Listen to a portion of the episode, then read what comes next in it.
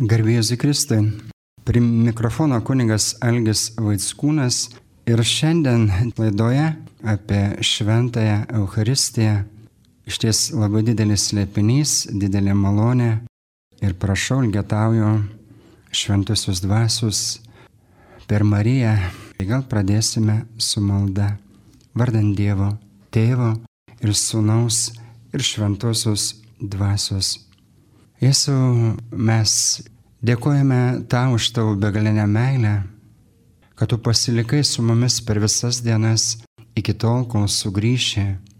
Ir bažnyčia tiki, bažnyčia semėsi jėgų iš tavo meilės Euharistijoje, iš švenčiausių sakramentų ir dabar ilgetaujame, apšviesk mūsų protus, uždėk mūsų širdis, atskleisk mums tą paslaptį kad galėtume pažinę tave, karščiau mylėti, tau besąlygiškai atsiduoti ir nešti gausius vaisius tavo Jėzau garbė ir šloviai, kuris su tėvu ir šventąją dvasia gyveni ir viešpatauja per amžius.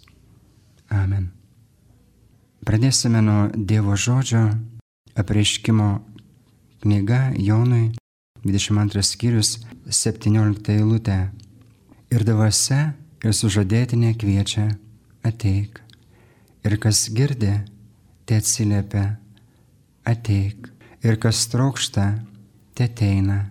Ir kas nori, tiesisime dovanai gyvybės vandens.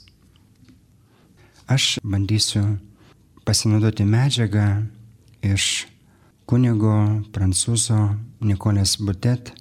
Knyga vadinasi Euharistija šventųjų mokykloje, jis yra Eucharisten bendruomenės įkūrėjas. Ir dabar Jėzus 1948 metais Dievo kūno šventės dieną kalbėjo Gabrieliai Bosis, Jėzaus žodžiai.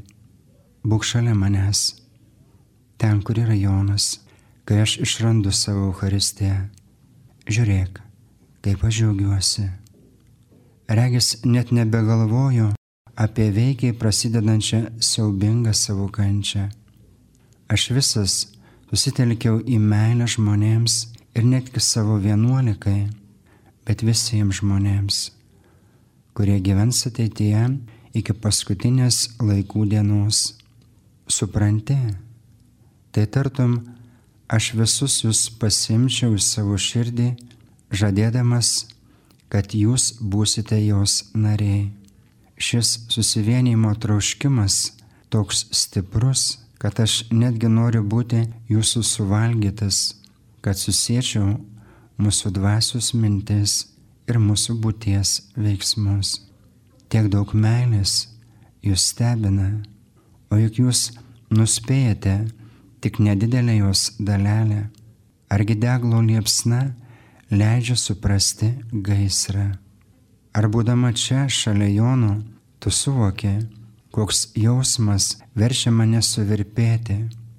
Aš radau būdą pasilikti su jumis, su tais, kurie nebuvote šalia paskutinės vakarienės metu, su tais, kuriuos aš jau dabar taip myliu, kad galiu mirti niekingą mirtimi, su tais, kuriuos visą gyvenimą lydės mano ostijos ir kurių mirtis bus lengvesnė. Ir iš tos vietos, iš Jono vietos, pažiūrėk, kaip apaštalai jau tampa kitais žmonėmis, švelnesniais ir pamaldžiais. Jie tiki, jie mane turi. Aš jau veikiu juose, kaip veiksiu jumise. Argi aš galiu ateiti ir nepasotinti? Kas kitas toks turtingas, Kas labiau trokšta jums gero, pasitarnauk šiam troškimui, prašydama tėvą, kad visi leistų man veikti juose. Ak, kad tik jie sutiktų mane įsileisti. Jie bijo būti pamatyti, jie turi laiko tik reikalams ir nepalieka man mano dalies.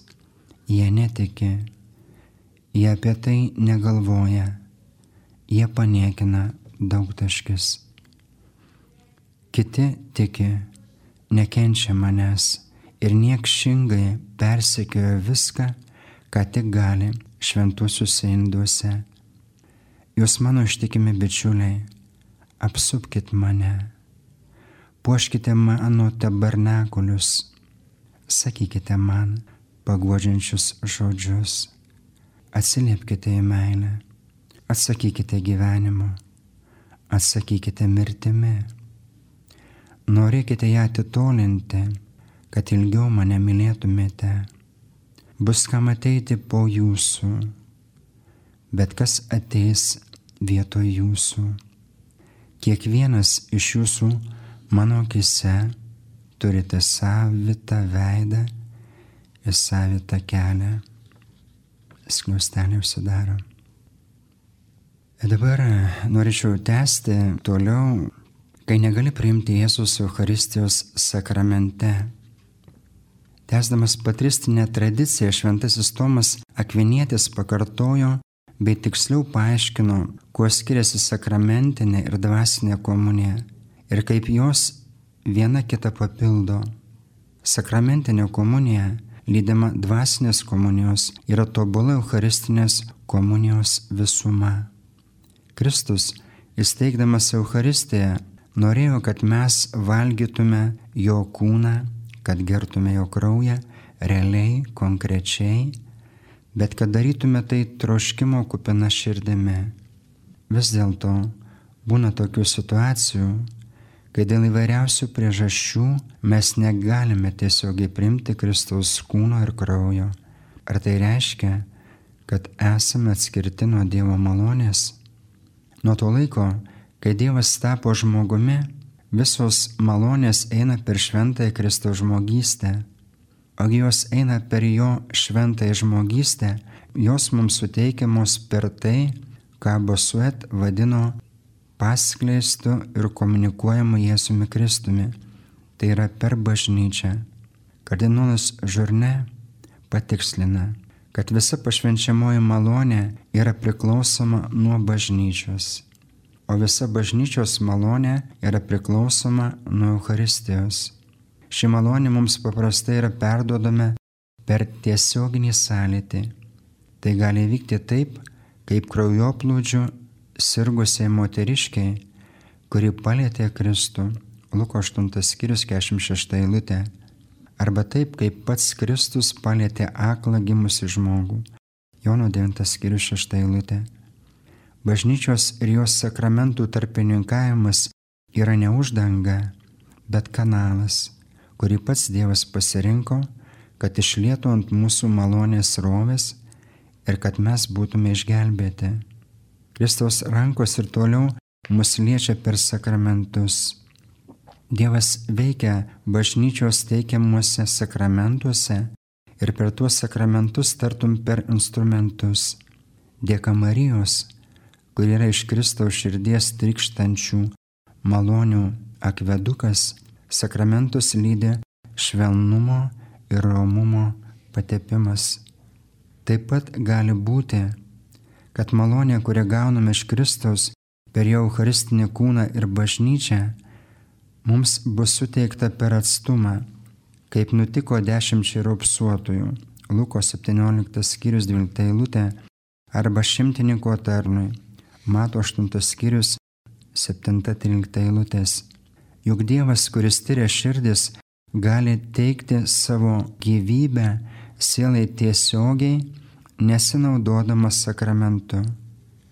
Kristus gali sukurti sakramento poveikį be jokios sakramentinės apėgos, sako šventasis Tomas Akvinėtis. Ši priemonė, žinoma, neįprasta, Tačiau Dievas ją pasinaudoja atsakydamas į širdies troškimą tų, kas dėl vienokių ir kitokių priežasčių negali prieiti prie sakramentų. Kalbant apie Eucharistiją, šis mokymas leidžia pripažinti, kad dvasinė komunija pati viena turi malonės jėgą, o šios esmė yra susijungti su šventoje Eucharistijoje esančiu Jėzumi per tikėjimą ir troškimą priimti švenčiausiai sakramentą. Eucharistinė adoracija arba žiūrėjimas į Jėzų ostiją yra būdas maldauti malonių ir priimti dvasinę komuniją. Gijomas Augzerietis patikslina, citata, nusidėliai ir juo labiau teisėjai visada turi teisėtą priežastį žiūrėti į ostiją, nes šitaip jie gali pasijusti vedami į gilesnį troškimą regėti Dievą, o per tai ir į gyvesnę meilę. Citatos pabaiga. Žvelgiant į ostiją, galima atlikti tikėjimo realių buvimų aktą. Pasakome, kad šventoji Dorotėja iš Dansingo, norėdama papildyti dažnos komunijos stygių, jį primdavo komuniją tris ar keturis kartus per metus, mėgdavo žiūrėti į ostiją. Jeigu tekdavo praleisti keletą dienų, ji labai gailėdavosi. Todėl įtvarkė savo kaip šeimos motinos gyvenimą taip, kad galėtų dalyvauti mišiuose ir žiūrėti į ostiją kunigo rankose. Jos biografas pasakoja, kad pakilėjimo metu jos mistinė egzaltacija kartais būdavo tokia gyva, jog panirusi Dieve Dorotėja pasidarydavo visiškai nejautri kitiems pojūčiams. Tiesa šventoje Gertrūda Helftietė, kuri jautė tokį pat troškimą, sulaukė Jėzaus priekaištų. Jis kalbėjo, neužtenka į mane žiūrėti iš išorės, dar reikia viduje mane ragauti. Vis dėlto visi viduramžių tekstai ostijos kontempliavimą pristato kaip savotišką dvasinę komuniją. Šį mokymą perėmė ir Jonas Paulius II, teikdamas, jog Eucharistinis garbinimas, kuris taip pat yra troškimo komunija, mus intimiai jungia su Kristumi. Jis ypatingai suvienyje su juo tuos, kam sutrukdoma priimti komuniją. Tai kaipgi priimti dvasinę komuniją? Pirmiausia reikalingas tikėjimo aktas, tikėjimo realiu Kristaus buvimu duonos ir vyno pavydaluose. Po to reikia trokšti jį priimti. Pavyzdžiui, įsivaizduojant, kad prisertini prie švenčiausio sakramento ir priimi ostį iš kunigo rankos. Pagaliau reikia dėkoti, lygiai taip pat, kaip dėkotum iš tikrųjų prieimęs komuniją. Tokią dvasinę komuniją galima priimti tiek dažnai, kiek tik nori. Poveikis bus toks pat, kaip ir sakramentinės komunijos. Šventasis Alfonsas Ligoris sukūrė labai gražią maldą dvasiniai komunijai. Mano Jėzu, tikiu tavo buvimu švenčiausiame sakramente. Myliu tave labiau už viską ir trokštų, kad ateitumė mano siela. Dabar negaliu sakramentiškai priimti tavęs į savo širdį.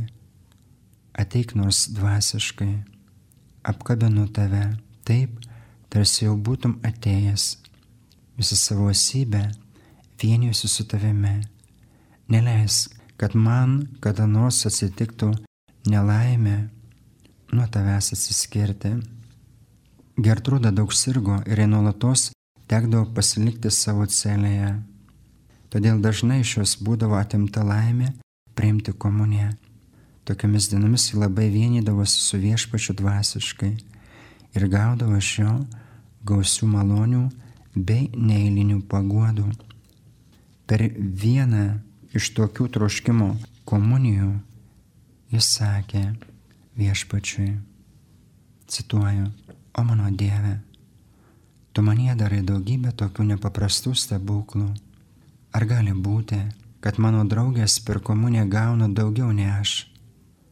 Jos atsakė, ar tasai, kuris yra išsipuošęs brangakmenis ir vertingais papuošalais, yra puošnesnis negu tas, kurio milžiniški turtai lieka paslėpti. Paskui viešpatsiai paaiškino, kad nors žmogus priimantis sakramentinę komuniją be abejo gauna gausių ir išganingų malonių savo kūnui bei sielai, kaip ir moko bažnyčia, Vis dėlto tasai, kieno vienintelis tikslas yra pašlovinti Dievą ir kuris iš paklusnumo ar diskretiškumo nepriema sakramentiškai Kristaus kūno, tačiau degdamas troškimu ir meilė Dievui priima dvasinę komuniją, toksai žmogus iš Dievo gerumo yra praturtinamas malonė panašiai į tą, kuri lydi šventosios ostijos valgymą. Tačiau šis stebuklas vyksta slėpiningai, žmogaus protui nesuvokimu būdu. Jūs tai sakė ir palaimintai kryžiaus Joanai, cituoju. Per kiekvieną dvasinę komuniją tu gauni malonę panašią į tą, kurią gautum realiai priimdama komuniją. Mistinė patirtis patvirtina šios Kristaus žodžius. Šventoji Veronika Giuliani, mesdamasi naktimis, ruoždavosi kitos dienos komunijai ir kviesdavo viešpatį ateiti jos širdį. Kartais nutikdavo taip, kad priimdavau dvasinę komuniją, pasakoja ji, ir jausdavau tokį skonį ir tokį poveikį, tartum tai tikrai būtų sakramentinė komunija. Tiesa ir tai, kad kartais pats Jėzus arba Marija arba angelai atneždavo į sakramentinę komuniją. Dabar toks nuostabus liūdimas Mikalojus iš Fliuje. Mikalojus iš Fliuje 20 metų gyveno nieko nevalgydamas, iš tikrųjų maitindamasis vieną Eucharistiją. Jo nuodėmklausys pasakoja, kai Mikalojus dalyvaudavo mišiuose ir kunigas priimdavo sakramentą, jis gaudavo tokį pastiprinimą, kad galėjo nevalgyti ir negerti. Antraip jis nebūtų ištvėręs. Pats Mikalojus prisipažino, cituoju, tėve, kai klūpau priešais kunigą, kuris aukoja šventasis mišes ir matau, kaip jis paima šventą Eucharistiją, arba kai Dievo malonė tapęs vertas pats ją priimu, mano siela taip persmelkia dangišką paguodą ir dieviškos saldybės, kad aš regis juose maudausi ir jų gausybė pasklinda mano kūne. Štai kas mane pamaitina, pagirdo ir priverčia pamiršti bet kokį maistą. Jėzaus Kristaus kūnas ir kraujas yra mano vienintelis valgis, vienintelis gėrimas. Vien tik viešpats mane gaivina, palaiko, duoda gyvybę. Aš gyvenu per jį. Šventoji Bernadeta, kai negalėdavo priimti komunijos, pasiūsdavo savo angelą sargą pas Kristų, ostiją paprašyti, kad ją aplankytų savo malonę. Cituoju, eik mano gerasis angelė, maldauju, eik ten, kur ilsisi mano Jėzus. Pasakyk mielajam meilės kaliniui, kad ateitų mano širdį ir joje apsigyventų. Dabar 11 skirelis Euharistė, kad taptum antruoju Kristumi. Mūsų gyvenimo tikslas, Eucharistinio gyvenimo atbaigimas yra tapti kaip Dievas. Šventasis Tomas Akvinėtis sako, kad specifinis Eucharistijos poveikis yra tai, kad per meilę žmogus perkeičiamas ir tampa Kristumi. Suvalgytas maistas transformuoja tą, kuris jį valgo. Mes virstame Kristumi. Žmogus sujungiamas su Kristumi, tai yra įtraukiamas į Kristų kaip jo kūno dalis. Angės žodžiai pasakyti Adomui ir Jėvai roje buvo visiškai teisingi. Jūs busite kaip Dievas. Jie palėtė kažką labai gilaus. Mes sukurti tam, kad pilnai dalyvautume Dievo gyvenime. Tačiau pasiūlytas būdas, kaip to pasiekti, buvo melagingas. Piktasis ragino mūsų pirmuosius tėvus pasinaudoti gero ir blogo pažinimo medžiu, kad taptų kaip dievai iš mažosios raidės. Tai neįmanoma. Tai kelias be išeities, kuris gali nuvesti tik į mirtį ir užsidarimą savyje. Norėdamas kumščių smūgiais prasimušti iki angelo žmogus geriausiu atveju gali tapti gyvuliu, sakė Paskalis. Vis dėlto tai yra tikras ir deginantis troškimas būti kaip Dievas. Netgi Sartras labai teisingai konstatuoja, kad būti žmogumi reiškia siekti būti Dievu. Arba kitai žodžiais tariant, žmogus iš esmės yra troškimas būti Dievu. Bet šio filosofo siūlomas kelias taip pat veda tik į tragišką ir nuvelinti baigtinumą kabutėse į nebūtį. Būti kaip Dievas gerai, bet kaip? Per Dievo malonę, per dovaną to, kuris yra meilė. Kadangi meilės esmė yra dovana ir dalymasis, Dievas nuo amžių norėjo padaryti mus savo dieviškos prigimties dalininkais. Jis norėjo tai padaryti, gerbdamas mūsų laisvę ir vesdamas mus į tai, duodamas malonę po malonės. Žmogaus nuodėmė buvo noras paimti ir įgyti pačiam tai, ką tik Dievas gali suteikti - jo paties gyvybę. Dėl šio nepaklusnumo Dievas turėjo tapti klusnus iki kryžiaus mirties kad sugražintų mums šį kartą per kančią nupuolusiame pasaulyje tai, ką norėjo mums duoti rojos džiaugsme ir švelnume. Kai kurie bažnyčios tėvai gimtąją nuodėmę apibūdino kaip nekantrumo nuodėmę. Žmogus panoro prieš laiką paimti tą gėrį, kurį vien tik Dievas galėjo duoti laikui atėjus. Dievo laikas ne mūsų laikas. Skaudus nekantrumas žmogaus kuris nesileidžia puodžiaus lipdomas pagal jo planą. Baisi puikybė žmogaus, kuris nori vertinti Dievo veiksmus ir laikus pagal žmogiškus kriterijus. Mirtinas nekantrumas, paliekantis kartų skonį, dar neprinokusio vaisiaus, kuris gadina dantis, bet laimė atėjus laiko pilnatvį, Dievas atsintė savo sūnų, gimus iš moters Galatams laiškas ketvirtas skyrius ketvirta eilutė. Dievas viską darantis tinkamu metu šiandien ateina per realų Jėzus buvimą Euharistijoje, kad įvykdytų savo pažadą. Šventasis Kirilas Jeruzalėtis apie tai kalba savo katechezėse. Cituoju, juk Dievas paskyręs mus tapti įsūniais, padarė mus panašius išlovingai Kristaus kūną. Nuo šiol, būdami Kristaus dalininkais, jūs visiškai teisėtai vadinami Kristumi. Tai Jėzus maldos susipildymas. Ta šlovė, kurią esi man suteikęs, aš perdaviau jiems, kad jie būtų viena, kaip ir mes esame viena, aš juose ir tu manyje. Komunija mus daro panašius į vienatinį sūnų per jo malonę. Dažnai priimkite komuniją. Filiotėje patarė šventasis Pranciškus Salezas Ir patikėkite, kiškiai kalnuose žiemą pasidaro balti, nes mato ir valgo tik sniegą. O jūs garbindama ir valgydama grožį, gerį ir patį tyrumą, tapsite visa graži, gera, visiškai tyra. Sesuo Jėzus mylimoji Marija atveria Jėzaus jai patikėtą paslapti.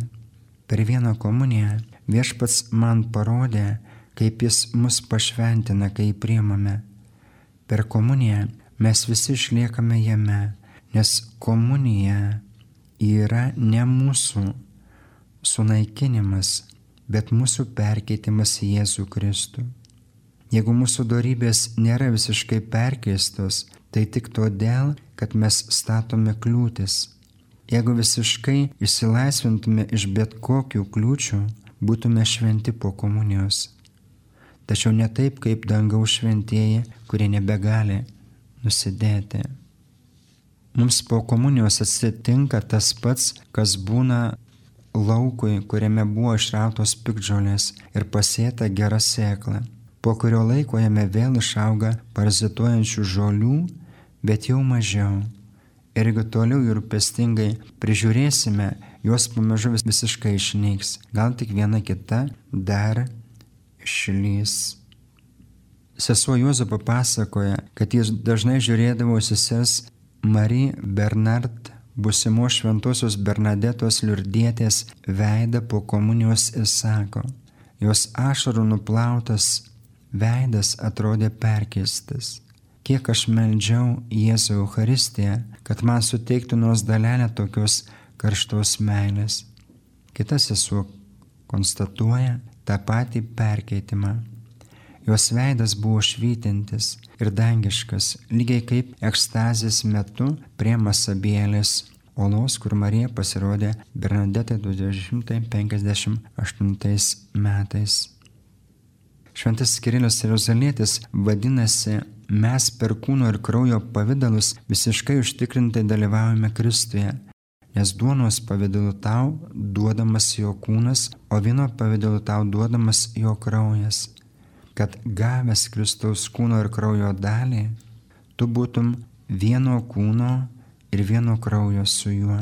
Taip mes tampame Kristoforais, tai yra Kristaus nešėjas kabutėse, nes jų kūnas ir kraujas pasklinda mūsų nariuose. Štai taip mes, pasak palaimintojo Petro, tampame Dieviškos prigimties dalininkais antras Petro laiškas, pirmas skyrius ketvirta eilutė, kuris sako, kai tau duodamas Kristaus kūnas tark savo, šio kūno dėka aš jau nebesu dulkės ir pelenai, jau esu nesupančiotas, bet laisvas. Tai tas kūnas, kuris buvo perkaltas vinimis, plakamas rykštėmis, bet netapo mirties grobiu. Iš šio krauju pasrūvusio jėtimi perverto kūno ištryško išganingos kraujo ir vandens versmės visai žemė ir būtent šis kūnas mums duodamas laikyti, valgyti begalinės meilės gestas. Šventasis Petras Julian Emart patikslina, kokios dangiškos gerybės mums duodamos per komuniją. Pirmiausia malonė, Dievo šlovė, kurią spindi šventųjų veidai. Šlovė, kuri iš tikrųjų yra spindulingasis vienatinio sūnaus veidas atsispindintis įsūnių veiduose. To išlovė, kuri pasirodys rojuje ir visiškai atsiskleis per kūnų prisikelimą, gali suspindėti jau dabar. Juk Euharistija įdeda į mus prisikelimo raugą, nemirtingumo užuomaską. Jie preiškia Kristaus pergalę prieš nuodėmę ir mirtį. Dar Euharistija mums duoda laimę, kuri dalyvavimas paties Dievo laimėje. Laimė, kuri mums neduodama visa, kad dažnai priimdami komuniją nepamirštume dangaus, sako Emart. Mums duodama tik paragauti tikros laimės, kupinos romaus džiaugsmo ir švelnios ramybės, teikiamos Dievo buvimo. Pagaliau per komuniją mes turime dalį Dievo galybės kas priema komuniją, karštai trokšdamas priklausyti Kristui, tas valdo viską, kas žemiška. Tai yra tikroji galybė. Pajungti viską Dievui, dangaus ir žemės viešpačiui, visatos karaliui. Tuomet siela gali kilti į Dievą. Šventasis Emart pateikia tokį palyginimą. Erelis, kad išmokytų savo ereliukus skraidyti, vis aukščiau jiems atneša maistą, nutūpdamas gerokai virš jų ir vis pakildamas, kai tik jie prisertina. Nejučia nuveda juos iki žvaigždžių, taip ir Jėzus, dieviškasis erelis, ateina pas mus, atneša mums reikalingo maisto, o paskui kyla ir kviečia mus sekti paskui jį. Jis mus pripildo saldžių dovanų, kad mes trokštume dangaus laimės. Jis mus pratina prie minčių apie dangų. Šis įvaizdis nuostabiai iliustruoja Jono Paulius antrojo žodžius, pasakytus jaunimui Čenstachavoje per susitikimą tema Jūs gavote sunystės dvasę. Nebijokite būti šventaisiais, tokia yra laisvė, kurią Kristus mus išlaisvino kilkite į aukštumas, būkite iš tų, kas siekia Dievo vaikų vertų tikslų, pašlovinkite Dievą savo gyvenimu. Bet čia apie komunijos vaisius. Eucharistijos sakramentas, duodamas maisto pavydalu, dvasiškai paveikia sielą taip, kaip duona ir vynas fiziškai paveikia kūną. Pirma, duona palaiko kūną, Eucharistija palaiko sielą. Jis sustiprina mūsų meilės vienybę su Dievu gyvenimą, atitolindama demonus, kurie dreba matydami mumise tą, kuris juos nugalėjo. Euharistija sumažina mumise egoizmo ir sugėdimo žydinius. Antra. Duona stato kūno jėgas, Euharistija sielos jėgas. Mišios ir komunija kompensuoja bei uždengia Dievo akise mūsų įžeidimus nejautrumą, nedėkingumą. Jis sudegina lengvų nuodėmių apsileidimus, tačiau taip pat siekia padaryti mus budresnius, dėmesingesnius, kad patiktume savo švelniam gelbėtojui. Trečia. Duona augina kūno gyvybę. Eucharistija sielos gyvybė. Tad Eucharistija yra visų pirma dvasinio augimo sakramentas. Su kiekviena komunija švenčiausios treibės gyvenimas auga mumise malonės ir meilės augimu.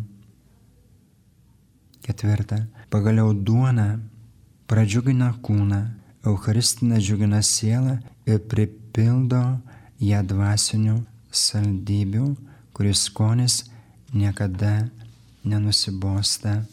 Didžiųjų liudytojų mokykla, gal truputėlį čia paliesime. Bažnyčia egzistuoja tam, kad leistų kiekvienam iš mūsų pasiekti amžinąjį gyvenimą. Tad bažnyčia yra ne žmonių, kuriems nereikia gydytojo, bet greičiau atsivertusių nusidėlių, gyvenančių atleidimo malonę ir ją perduodančių kitiems bendryje. Nekokios nors atsitiktinai tai vienur, tai kitur bažnyčios sudarančios daugumos nulėmė jos ir mūsų kelią, bet jie, šventi, yra tikroji lemiama dauguma, pagal kurią mes orientuojamės. Ši dauguma mums svarbi. Šventieji parodo dievystę žmogystėje ir amžinybę laikę. Jie yra mūsų mokytojai, neapleidžia mūsų nei kančioje, nei vienatvėje ir netgi mirties valandą lydi mus. Ir čia toks liudijimas yra palaimintas tėvas Damianis, raupsuotojo paštlas, taip pat valandų valandas praleisdavo prieš švenčiausią sakramentą. Vieną dieną jis rašė, kadangi Molokajaus saloje esu vienintelis kunigas, man teko nuodėmklausi pasirinkti aukščiausiųjų kunigą. Nuolatos tabernakulė gyvenantį viešpatį. Būtent prie altoriaus mes gauname vienatvėje reikalingų jėgų. Be švenčiausio sakramento tokia situacija, kaip mano, būtų nepakeliama. Tačiau šalia manęs yra viešpats. Tad kągi aš ir toliau būsiu linksmas ir patenkintas. Su tokiu linksmumu širdyje, be šypsena lūpose, galime uoliau darbuotis vargšų nelaimingų raupsuotojų labai. Ir šitai pamažu, bet triukšmo ir spindesio yra kuriamas gėris. Toliau laiškės kalba apie Jėzų švenčiausiame sakramente. Tai pats švelniausias draugas sielams, kurios tengiasi jam patikti.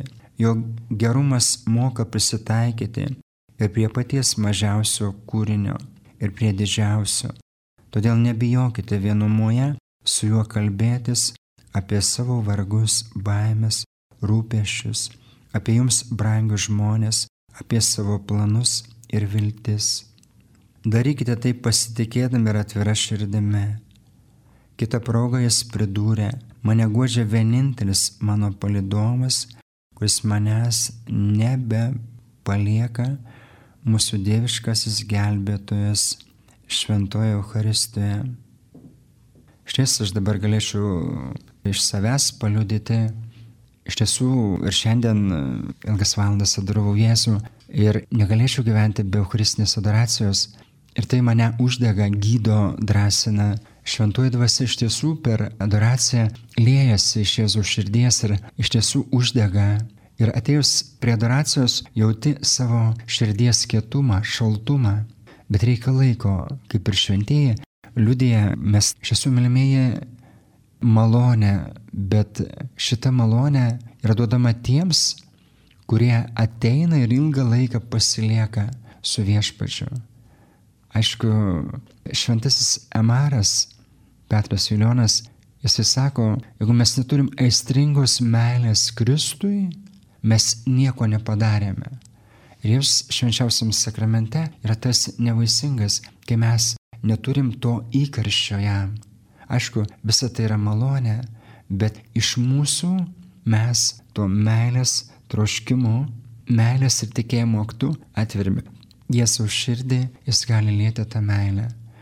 Žesų ir šventas Samaras jis sako, kad e, jeigu visuomenė klesti tiek, kiek adoruoja švenčiausią sakramentą, ir mes galim pasidžiaugti tą adoraciją, kuri dabar vyksta parapijose, bet iš ties, mylimieji, jos neužtenka. Jinai yra vienintelė galimybė žmonėms, pakrikštytiesiems, ateiti prie viešpatės ir nuolatinė adoracija čia tikriausiai yra būtina, nes tada yra galimybė žmonėms, pavyzdžiui, į savaitę valandą ateiti prie viešpatės. Iš tiesų tai yra, kaip Jonas Paulius II šventas sako, tai didžiausia paslauga žmonijai perkeitimui viso blogio.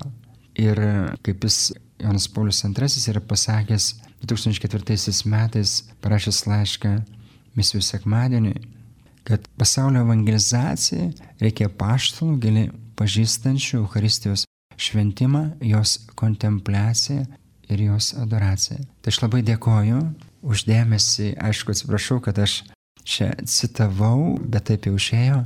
Ačiū visiems. Prie mikrofono kuningas Algis Vaitskūnas ir pabaigime maldą.